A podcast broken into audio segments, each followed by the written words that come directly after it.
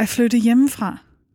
Det er temaet i denne podcast, som er en del af et podcastkursus omkring børn og unge med alvorlig synsnedsættelse. Kurset er en podcastserie i samarbejde mellem Instituttet for Blinde og Svagsynede, IBOS, Landsforeningen af Forældre til Blinde og Svagsynede og Synscenter Rafnes. De enkelte podcasts tager et relevant tema op fra opvæksten, ungdommen eller det tidlige voksenliv. Når du har lyttet til denne podcast, så har du fået viden om temaet at flytte hjemmefra, og hvorfor det er vigtigt at have fokus på hos unge med synsnedsættelse.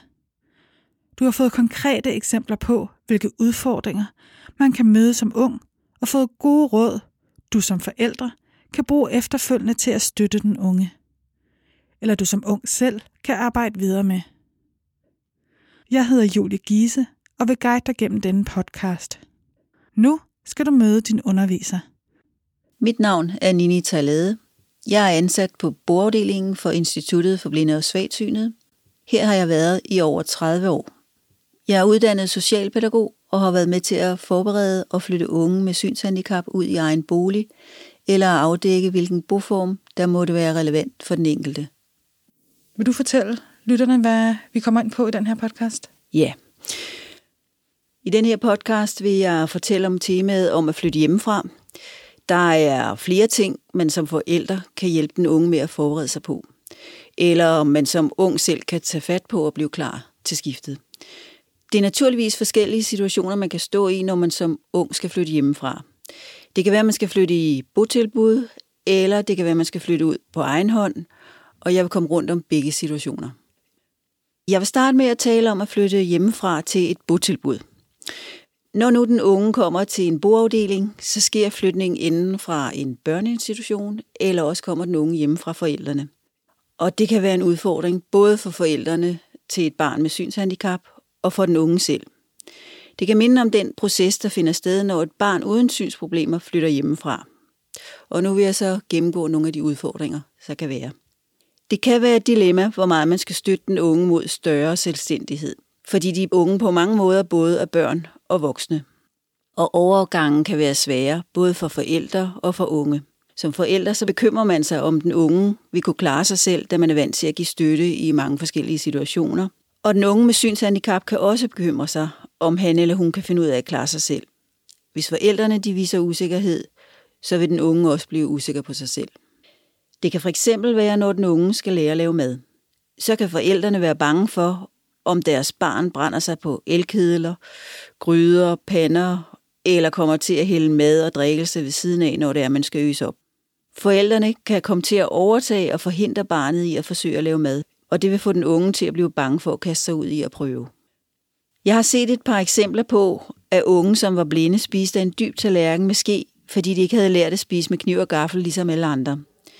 Når den unge så fik serveret mad på en flad tallerken og fik kniv og gaffel her på bordafdelingen, så blev det valgt fra, fordi det var for svært, og den unge ikke havde tiltro til, at han eller hun kunne lære at håndtere det. Et godt tip er at tage barnet med i køkkenet og lade det deltage så tidligt som muligt og så godt som det nu kan. Lær barnet at skære med kniv og mærke på de forskellige madvarer, og lad barnet deltage i andre helt basale madlavningsfærdigheder. Udfordre barnet, ligesom seende børn bliver udfordret, og lad barnet øve sig, hvis det er vanskeligt at se på som forælder, og hvis du er tilbøjelig til at komme til at overtage, så er det en god idé at sætte sig på hænderne og fortælle barnet, hvad det skal gøre, i stedet for at overtage. Når man flytter hjemmefra, uanset synsproblematik, så vil der altid være en tilvændingsproces. Det kan være, at den første periode på bostedet bærer præg af det, så det unge menneske skal vende sig til at være væk fra hjemmet. Det vil der naturligvis blive taget hånd om på en boafdeling. På afdelingen vil den unge blive tildelt en kontaktpædagog. Pædagogen vil så holde ugenlige samtaler med den unge om, hvordan det går, og den unge vil blive støttet i at udføre praktiske opgaver. Nogle unge har hjemve, og hvis vi oplever det på boafdelingen, så vil der blive ekstra opmærksomhed fra pædagogernes side på at indsluse den unge blandt de andre på afdelingen. For de fleste er det givende, at der er andre unge med synshandicap at spejle sig i. Nogle har været integreret i folkeskolen og kan have haft svært ved udfordringer med mobning og måske isolation. En af årsagerne kan være, fordi der har været støttelærer i mange af timerne i løbet af skoledagen. En anden årsag kan være, fordi barnet har været afhængig af hjælpemidler, som har afskærmet barnet fra samvær med de andre børn. Der kan også være andre grunde. For mange unge med synshandicap er det en udfordring at færdes. Der er nogen, som kan have svært ved at finde rundt. Derfor har vi på bordafdelingen fokus på at lære den unge ruter, så han eller hun kan færdes frit på egen hånd. Der vil således være plads til selv at udforske, hvem man har lyst til at være sammen med, og hvad man har lyst til at lave i det hele taget. Hvis man som ung flytter på en boafdeling, så må man også kunne få hjælp og støtte i egen hygiejne efter behov. Ved ankomst til boafdelingen, så vil der blive spurgt ind til, om man selv kan klare tandbørstning, bad, tøjskift og lignende. Og hvis der er behov for hjælp af personalet, vil der blive arbejdet hen imod en selvhjulpenhed. Sådan så den unge på sigt kan overtage opgaven på egen hånd, hvis det er muligt. På boafdelingen vasker man sit eget tøj. Der aftales en fast dag og en vasketid, hvor kontaktpædagogen hjælper med at sortere tøjet, lægge det i maskinen, finde det rette vaskeprogram, tørre tøjet i tumbleren og lægge det sammen. Det er en god idé at lære at håndtere sit eget vasketøj, inden man flytter i egen bolig. Hvis ikke den unge kan skælne farver, findes der en farvetester, som bruges til at sortere tøjet i de rigtige bunker. Og det kan være en hjælp at købe kun hvide eller kun sorte strømper, så de ikke skal sorteres. Vi anbefaler, at sengetøjet skiftes hver 14. dag. Den unge lærer at tage sengetøjet af og får hjælp til at lægge det på. Nogle har brug for hjælp til lagen og dynebetræk og kan på sigt klare det hele selv. Andre vil blive ved med at skulle have hjælp til hele eller dele af processen. Under opholdet så vurderer vi, om den unge har lært de praktiske opgaver, eller om der skal klares ting af en hjemmehjælper efter flytningen. Og det finder man ud af sammen med kontaktpædagogen, så det ligger klar, hvilken hjælp der skal søges om ved udflytningen. Det var overordnet om at flytte på botilbud. Nu vil jeg fortælle om det at flytte i egen bolig. Når man flytter i egen bolig, er det vigtigt, at man har noget at stå op til og et netværk omkring sig. En fast daglig rutine er god at have. Nogle unge med synshandicap studerer, nogle går i aktivitetstilbud, eller andre har en anden form for beskæftigelse. Det er vigtigt, at man får afdækket, hvad den unge interesserer sig for, sådan så man har kontakt med verden uden for hjemmet. Det kan også være godt at gå til noget i fritiden, så man opbygger et netværk igennem en fælles interesse. Før man flytter i egen bolig, er det en god idé at få afklaret, om den unge med synsproblemer selv kan lære at lave mad, og i hvilket omfang man vil stå for egen kost. Ting tager tid, når man er synshæmmet. Derfor kan det være en stor opgave at skulle tilberede alle måltider selv. Nogen vil selv stå for morgenmaden, og måske skal der trænes med at hælde og øse op i kop og skål. Til frokost så skal der måske trænes i at åbne pakker og smøre brød eller lave madpakker. Til aftensmaden vil nogle unge med synshandicap kunne lære at lave maden fra bunden med friske råvarer.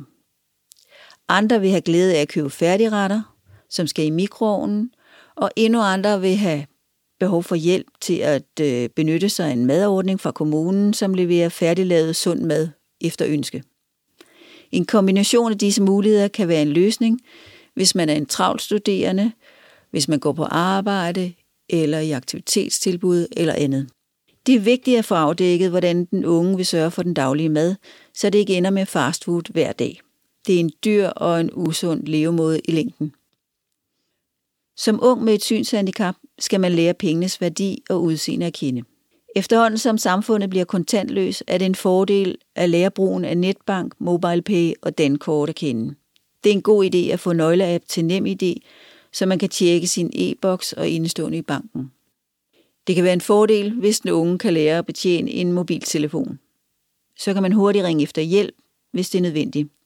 Samtidig findes der flere apps, som kan være med til at gøre livet nemmere. For eksempel kan man bruge rutebeskrivelser, rejseplaner osv. Øh, på mobiltelefonen kan man også benytte sig af sige et taleprogram, øh, som aktiveres med stemmen. Ved udflytning i egen bolig, så er der behov for at lære færdes til og med transportmidler. Til indkøbsmuligheder, til besøg hos familie og venner. Og mobility, altså læren i at gå med den hvide stok, det skal søges igennem kommunen, så den unge med synsproblemer kan lære at klare sig bedst med mindst mulig hjælp og støtte. Hvis man har behov for hjælp til at handle, vaske tøj eller rengøring, så kan der søges hjemmehjælp igennem kommunen. Øhm, og en god idé er at søge om ledsager gennem kommunen. Ledsageren kan følge til fritidsaktiviteter. Det kan være til faste fritidstilbud, motion, biograf, koncerter, øh, møder, ridning og alt muligt andet spændende. Som ung med synshandicap, så kan det være en udfordring at få motion nok. Det kan derfor være en god idé at gå til en slags sport, for eksempel i et fitnesscenter, til goalball, til showdown, i løbeklub eller lignende. I dag, hvor det er meget nemt at ringe efter mad, så har jeg set mange unge med synshandicap, som tager på, efterhånden som de bliver ældre, fordi de får ikke brugt deres krop nok i forhold til den mængde mad, som de indtager. Så det er vigtigt at være opmærksom på det.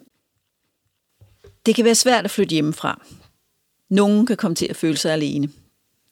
Når man bor på en boafdeling, så er der mulighed for at spejle sig i andre unge med samme udfordringer. Der vil blive lavet aktiviteter, så man automatisk kommer ind i fællesskabet. Men den mulighed er der jo ikke, når det er, at man flytter ud i egen bolig. Hvis man som ung med synshandicap flytter for sig selv, så kan man let komme til at blive isoleret. Derfor er det en god idé at vedligeholde de sociale kontakter, man har med familie og venner. Hvis ikke man har så mange venner, så er det en god idé at gå til nogle fritidsaktiviteter, hvor man har mulighed for at møde andre igennem en fælles interesse. Ja, så kan jeg måske lige bidrage med lidt information her, fordi uh, vi har også lavet en podcast, der netop handler om fritidsaktiviteter, og den hedder Fritidsjob og fritidsaktiviteter. Så hvis man gerne vil høre lidt mere om det emne, have noget inspiration, så kan man gå ind og lytte til den, som ligger sammen med de andre podcast. Men øh, ja, tilbage til dig, Nini. Det, man kan gøre for ikke at blive isoleret, det er at melde sig ind i Dansk Blindesamfunds Ungdom, DBSU. Der bliver lavet rigtig mange gode arrangementer, som ryster folk sammen. Øh, og indtil man fylder 25 år, så kan man deltage i sommercamp på Instituttet for Blinde og Svagsynet. Det finder sted hver år i uge 28. Der kommer unge fra hele landet. Og de unge de giver udtryk for, at de hver år glæder sig til at danne nye venskaber, ligesom de glæder sig til at gense gamle venner. Ja, og igen der kan jeg lige tilføje, at hvis man gerne vil læse mere om Ibers sommercamp, så kan man gå ind på vores hjemmeside på ibers.dk sommercamp, og der kan man altså se, se mere om, om det arrangement. Ja. Når du nu som forældre til et ung menneske med synsproblemer står for at skulle flytte dit barn i egen bolig, så er det vigtigt, at du gør plads til, at dit barn skal prøve at klare de fleste ting selv, uanset hvor store synsproblemer der er. Det er først, når den unge udfordrer sig selv, at han eller hun finder grænser for, hvad det er, at de skal have hjælp til, og hvad det er, øh, man selv kan klare. Giv plads til fejltagelser. Det er dem, de unge høster deres erfaringer af. Ja, og så ved jeg, at du her afslutningsvis har nogle gode råd med til, til både forældrene og de unge selv. Ja, det er rigtigt. Øh, på baggrund af alt det, jeg har gennemgået, så har jeg samlet fem råd til forældre og fem råd til de unge selv. Øh, og jeg vil starte med rådene til forældrene. For det første, tag dit barn med i de praktiske opgaver, og lad ham eller hende deltage i så meget som muligt, så de kan øve sig. Og punkt 2. Lær ham eller hende at arbejde med køkkenredskaber. Punkt 3. Hvis det er vanskeligt at se på for dig som forælder, og hvis du er tilbøjelig til at overtage, så sæt dig på dine hænder og hjælp via verbal guidning. Punkt 4. Sørg for, at dit barn får og vedligeholder kontakter med andre jævnaldrende. Og til sidst punkt 5. Lær dit barn at færdes til fritidsinteresser, når andre unge begynder at gå på egen hånd. Og så har jeg samlet fem gode råd til dig som ung. For det første, spring ud i tingene. For det andet, deltag i de praktiske opgaver hos dine forældre. Det lærer du noget af, så du kan klare dig selv, når du flytter hjemmefra. Punkt 3. Vær struktureret. Hold orden, så du bedre kan finde tingene, når du skal bruge dem. Punkt 4. Hold fast i venskabskredsen, selvom de taler om tøj, kærester og deres udseende, noget som måske ikke lige interesserer dig. Det kan være, der sidder andre unge, som har det ligesom dig. Måske deltager de også for at være en del af gruppen. Punkt 5. Vær nysgerrig på praktiske udfordringer og på livet, så når du langt. Jeg vil også lige tilføje, at der selvfølgelig også er en mulighed for at få undervisning i almindelig daglig levevis, f.eks. madlavning og rengøring, og orientering og mobility. Her på IBOS, der hjælper vi masser af unge med at blive klar til at flytte hjemmefra. I kan ringe på IBOS hovednummer på 39 45 25 45, hvis I vil høre mere om den mulighed. Ja. Skal vi så give lytterne en, en kort opsummering af, hvad det er, de skal tage med? Ja. Til sidst vil jeg lige opsummere, hvad der er godt at huske, inden den unge skal flytte hjemmefra. Der skal afklares, hvordan den unge får mad, handler ind, og hvordan regninger skal betales. Skal den unge have hjælp til indkøb, rengøring og tøjvask, så skal der søges om støtte igennem kommunen til dette. Hvis den unge går til fritidsinteresser, skal der søges om ledsager, hvis ikke der er en ledsager i forvejen. Der skal søges om mobility, så ruten til studie, arbejde eller dagaktivitet kan læres på sigt, eller der skal søges om kørsel.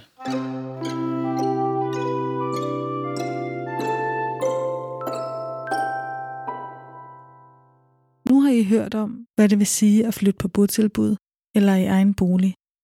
Afslutningsvis vil jeg kort rise op, hvilke fordele og hvilke ulemper I skal have med i jeres overvejelser i forhold til, om den unge skal flytte i egen bolig med støtte, på et midlertidigt botilbud på et bosted eller et permanent botilbud.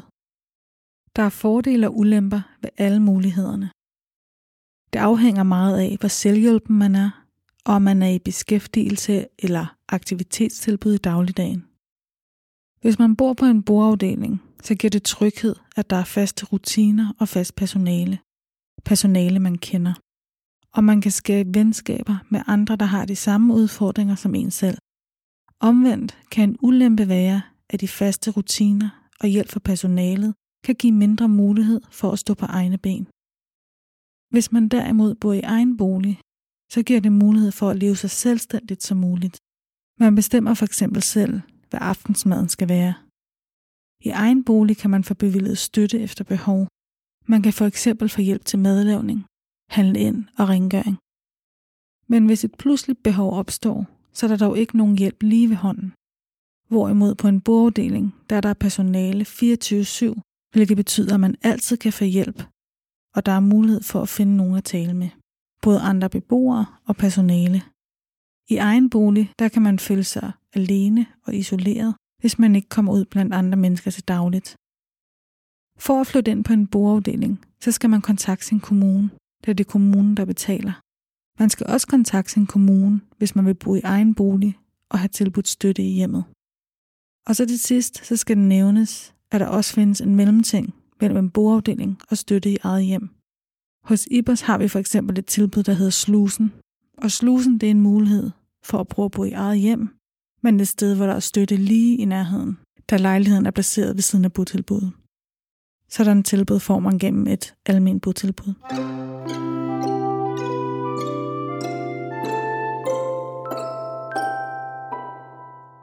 Du har lyttet til en podcast, produceret af Instituttet for Blinde og Svagsynede. Hvis du godt kunne lide podcasten, så husk at dele den med andre, der også kunne få glæde af den. Hvis du vil i kontakt med Ibers, kan du ringe på 39 45 25 45 eller skrive til ibers sof.kk.dk. Tak fordi du lyttede med.